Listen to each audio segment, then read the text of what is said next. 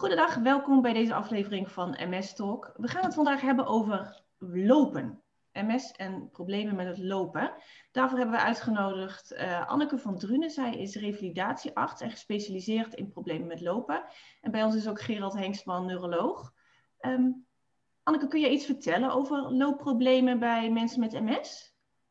Um, ehm, ja, zeker. Want uh, ik zie heel veel mensen met MS, met loopstoornissen. Komt ook heel veel voor uh, bij MS ook al uh, vrij vroeg. Hè? Dan hebben mensen vooral uh, problemen met vermoeidheid met lopen. Dat is eigenlijk een beetje waar het vaak mee, uh, mee start. Um, dus um, ja, komt, komt veel voor. Dus ik zie het, zie het heel veel. Dus dat um, ja, is een veel voorkomend probleem. Maar je hebt het ook al over vermoeidheid bij het lopen. Dan heb je het nog niet eens over een specifieke stoornis of beperking. Dan nee. is het gewoon ja, MS, ja, MS is een, een, een aandoening natuurlijk die op heel veel plekken kan zitten, hè, in hersenen en ruggenmerg.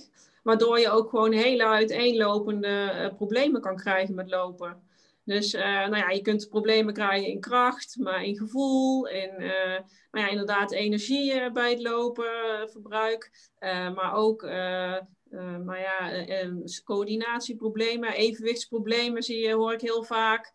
Dus uh, ja, je kunt op zoveel uh, gebieden problemen krijgen in het lopen. Dus ja, dat is ook bij iedereen weer een beetje anders. En de ernst is ook weer bij iedereen anders. Hè? Van heel mild tot heel ernstig. Hè? Dus rolstoelgebonden of mensen die nauwelijks problemen hebben met lopen. Zo, en alles ertussenin. Ja.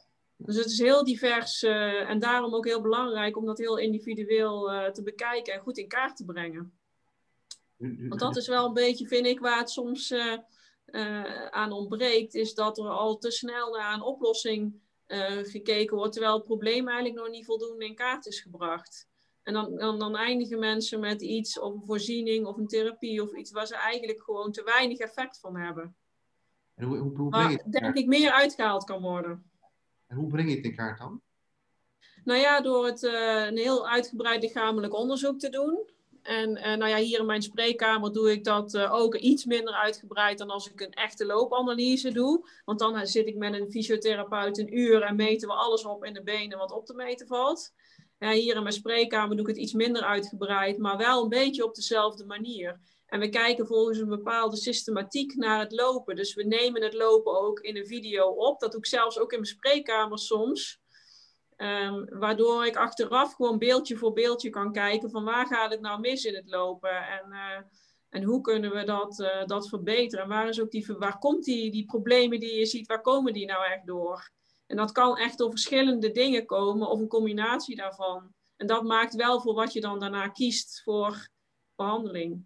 Want dan heb ik meteen een vraag voor jullie beiden. Um, kan het kloppen dat, dat problemen met lopen al snel uh, ja, geaccepteerd worden als een verschijnsel en dat mensen er niet verder mee gaan. Dat je denkt, ja, ik heb nou MS, eenmaal MS, eh, lopen gaat wat lastiger, hoort er nou eenmaal bij. Komen jullie dat vaak tegen of is het toch wel dat mensen wel op zoek gaan naar oplossingen? Want ik kan me zo voorstellen dat veel mensen zijn die zeggen, nou, ja, dat is nou eenmaal zo. Als er misschien ja, ja, ja. Uh, mijn ervaring in ieder geval is wel vanuit uh, de Duitse praktijk dat dat inderdaad het geval is. Dat en niet alleen mensen het um, accepteren van het hoort er nu eenmaal bij, dat het wat moeizamer gaat, maar ook de dokter. Um, ik denk als je naar de neurologische praktijk kijkt, en zeker als jij noemt, Anneke, dat het best in die beginfase heel sterk aanwezig kan zijn, en bijvoorbeeld in het begin alleen maar met vermoeidheid gepaard gaat, is dat um, ook bij uh, de dokter dat niet heel sterk op het netvlies staat van je kunt er misschien iets aan gaan doen. Ja. Het hoort er eenmaal bij. Uh, ik denk als je gaat kijken naar de gemiddelde neurologiepraktijk waar veel mensen met MS gezien worden, hoeveel mensen echt voor analyse van loopstoornissen doorgestuurd worden naar een revalidatiearts, is dat denk ik nog wel relatief beperkt. Het zal misschien de oplossingen ja. groter zijn dan we met z'n allen uh, denken.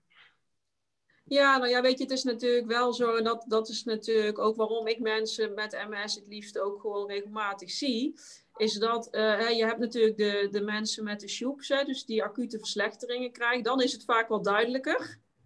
Hè, maar het, het, zijn de mensen bij wie het zo sluimerend zo achteruit gaat, waarbij ze zich constant weer aanpassen aan de nieuwe situatie. En dat het ook minder opvalt. Ja, en, en er ook minder last is, omdat ze dat goed comp kunnen compenseren, omdat het geleidelijk gaat. Maar ja, dat is wel een risico dat zo het erin sluipt en er eigenlijk ook wel iets aan te doen is misschien.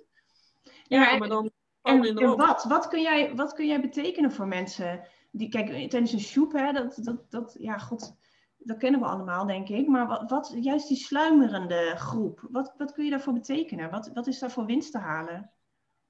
Um, nou ja, vaak uh, worden mensen met MS die ook vermoeid zijn, uh, worden ook geleidelijk aan wat inactiever. Dat geldt niet voor iedereen, maar die neiging is er wel. Als je, iedereen die moe is, hè, die is niet zo heel genegen om, om van alles te gaan doen aan bewegen en sport en juist actief te zijn.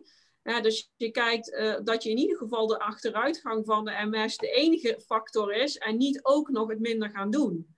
Want als je minder gaat bewegen, minder gaat ondernemen, dan gaat ook je conditie achteruit en je kracht en die, die functies. En dat kun je wel beïnvloeden. Kijk, de MS niet, maar die factor wel. Dus je gaat kijken, hoe kun je nou toch blijven benutten wat je hebt? Dat is de eerste eigenlijk waar je naar kijkt. En, en dat je daar hulpmiddelen bij in kan zetten om dat te bereiken, dat, dat is dan stap twee vaak dus je kunt denken aan, uh, kunnen we bijvoorbeeld de, stijfheid van de spieren als die er is behandelen? kunnen we ehm, het lopen wat makkelijker maken met een spalk? Uh, kunnen we bijvoorbeeld de schoenen iets aanpassen waardoor het lopen makkelijker gaat? Dus je kijkt naar hulpmiddelen als je niet eruit komt met het gewoon actief blijven, trainen, sporten, bewegen. Als dat niet meer lukt, ga je kijken naar hulpmiddelen. Oké. En wat is, wat is het resultaat vaak van die behandelingen? Als mensen bij jou komen, ze hebben moeite met, met lopen. Gaan ze vaak vooruit? Hebben ze veel winst? Nou ja, de kracht is vaak een combinatie te doen van een aantal dingen bij elkaar.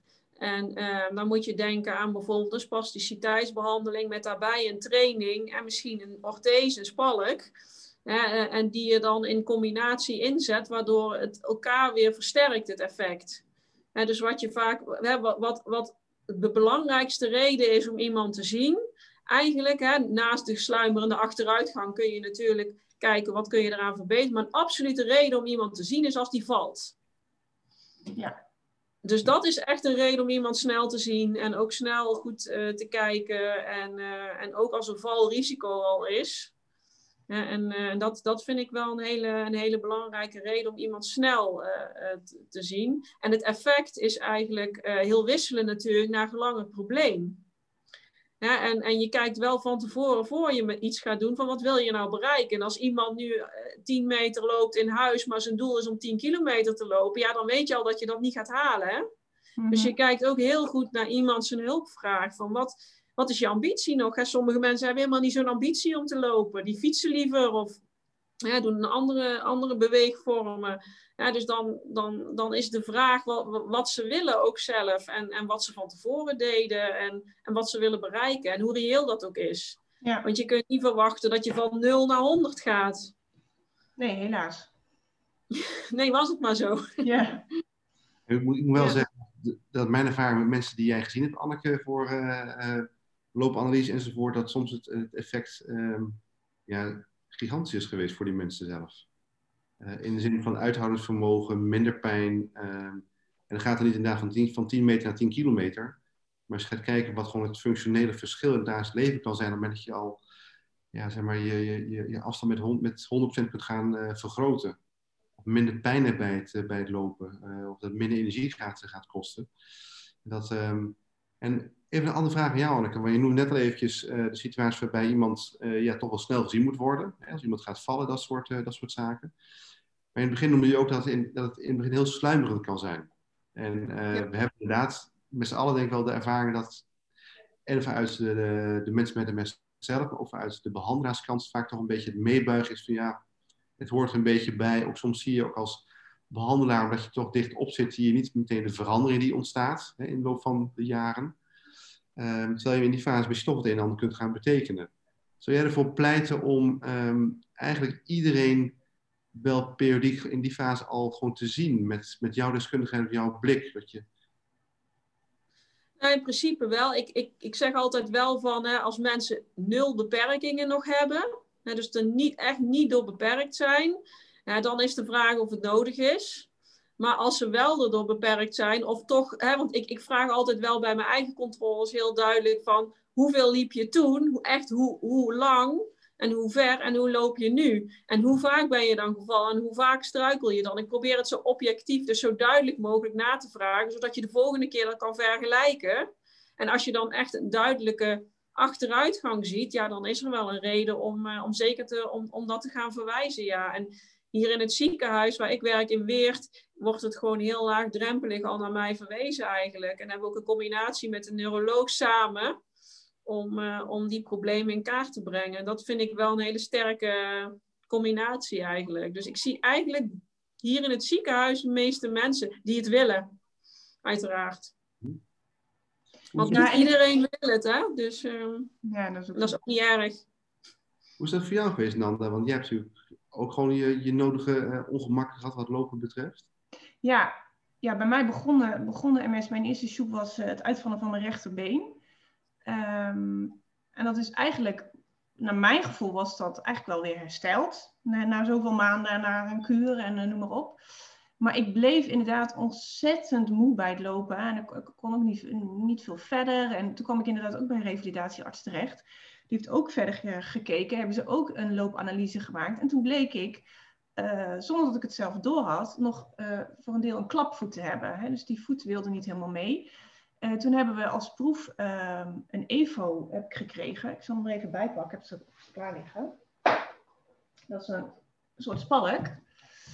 Um, ik heb hier eentje zonder schoen en ik heb er hier eentje met schoen. Die ervoor zorgt dat mijn voet dus niet meer kan klappen. Die mijn voet overeind houdt. En op het moment dat ik daarmee wegliep uh, tijdens de test, voelde ik, oh dit is het. Hier zat mijn energielek. Dit was waar ik uh, al mijn energie naartoe ging tijdens het lopen. En sinds ik die heb, kan ik echt veel beter vooruit. En ik had het zelf niet eens door. Ik had, ik, niet door dat dat het probleem was. Maar door die, door die ganganalyse eh, werd dat heel duidelijk zichtbaar. En sindsdien, het is echt niet zo dat als ik een stukje loop, dat ik altijd dat ding om heb. Maar ga ik echt wandelen, om, een stuk of ik ga eh, winkelen, wat nou helemaal niet kan natuurlijk. Maar dan heb ik hem eigenlijk altijd wel aan. Ja. Dus ik ben er heel blij mee en ik had het zelf helemaal niet in de gaten. Nee, dus daar, dat, dat bevestigt wel het belang om er goed naar te kijken gewoon. En dan hoef je nog niet eens altijd al van alles te doen. Alleen al eens een keer een goede analyse van hoe het gaat en, en wat je zou kunnen doen.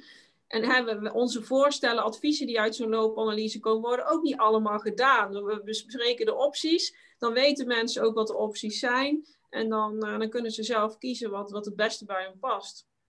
Ja. En dan is wel belangrijk dat het altijd maatwerk is. Uh, maatwerk uh, advies is. En dat zo'n orthese ook, en mensen zien daar vaak tegenop, hè, vinden het toch, het is zichtbaar hè, voor hun gevoel. Het, het, moeilijk kunnen lopen voor mijn gevoel is ook zichtbaar, maar die spalk is echt zichtbaar. Hè? En, ja, dat vond ik juist eh, wel positief eraan. Tenminste, ik zie hem zelf niet. Als ik een foto van mezelf zie waarbij ik uh, de spalk aan heb, dan denk ik wel, oh, dat ding valt inderdaad wel heel erg op. En je ziet wel eens mensen kijken. Maar ik vind het ook wel juist eens fijn dat, dat er iets zichtbaar is. Want MS is al zo onzichtbaar. Dus het is soms ook wel heel helpend dat er wel iets zichtbaar is. Maar dat is natuurlijk echt per persoon verschillend. Daar kun je absoluut niet, uh, niet een, een, een conclusie uit trekken natuurlijk. Nee, nee dat is heel, zoveel personen, zo verschillende meningen en gevoelens zijn er. Hè? Absoluut. Ja. Maar dat, dat, des te belangrijker om daar ook respect voor te hebben en, uh, en ook mee te denken met mensen, hè? wat, ze dan wel, wat wel past. Ja. Uh, en dat er ook altijd nog een optie is om het later nog te doen. Hè? Ik bedoel, wat nu niet is, wil niet zeggen dat dat over een jaar dan ook niet meer kan. Ja, dus altijd goed om, uh, om het uh, in de loop van de tijd te vervolgen en mensen ook terug te zien. Hè? Want hoe meer last, hoe meer je bereid bent om er wat aan te doen. Ja. En als de last kan dus ook. hoog genoeg is. Ja. En het kan dus ook. Het is niet zo van, nou, dit is het dus. Dat, nee. Uh, even ter afsluiting in verband met de tijd. zijn er dingen die jullie als artsen mee zouden willen geven aan mensen met MS? Waarvan je nu zegt van, nou, als je ergens mee zit, neem deze stappen of wat dan ook? Nou ja, eh, ik denk laagdrempelig verwijzing naar revalidatiearts bij MS eh, zeker eh, zinvol is. En, en, en niet om, om van alles acuut te gaan veranderen, maar wel dat ze weten wat de mogelijkheden zijn. En als je goed geïnformeerd bent, is ook al heel wat waard, nog zonder dat je iets hebt gedaan. En dan kunnen mensen altijd, hebben altijd de keuze in wat ze willen. En, en als ze de keuze niet weten, dan kunnen ze die keuze ook niet maken. Dus uh, ja, ik, ik zou altijd. Ehm, ik vind het altijd prettig om mensen op tijd te zien. En niet, niet als ze al bijna in een rolstoel zitten of als dat gebeurt. Hè? Maar dat, de, de, je wil liever van tevoren al wat doen. Heldere boodschap. ja, ja. Gerald, heb jij daar nog een aanvulling bij? Nee, ik denk dat het een heel mooi verwoording is. Ook jouw voorbeeld, een mooie illustratie is van hoe belangrijk het is. Dus, dat, uh, dus op het moment dat je merkt dat het lopen moeizamer is, ook is het alleen maar dat het je gewoon meer energie kost, hè, zoals bij jou. Uh, weten dat er misschien mogelijkheden zijn om dat toch te gaan, uh, te gaan verbeteren. En benoem het actief. Zodat er gericht naar gekeken kan worden, zodat je dan weet wat de opties zijn. En die ja. ja toch wel een kunnen gaan, gaan maken. Ja. ja, want niet goed kunnen lopen is een van de eerste dingen die je invaliderend laten voelen. Hè? Denk ik. Tenminste, voor mij voelt dat zo. Hè? Dat, dat, dat de, de hele familie gaat gezellig naar de Efteling. Uh, ja, ik kan niet mee of ik moet in de rolstoel. Hè? Dus het is al snel invaliderend voelend. En te weten dat daar dus winst te halen valt, is denk ik voor heel veel mensen heel belangrijk. Ja, dat denk ik ook. En dat is zeker winst te behalen, denk ik. Ja. Bij heel veel meer dan we nu zien. Mooi. Goed, dan ronden we hem af. Hartstikke bedankt Anne voor jou, uh, jouw bijdrage. Gerald, jij ook. Uh, en we zijn er snel. jullie ook. Ja. Okay. Dankjewel. Bedankt.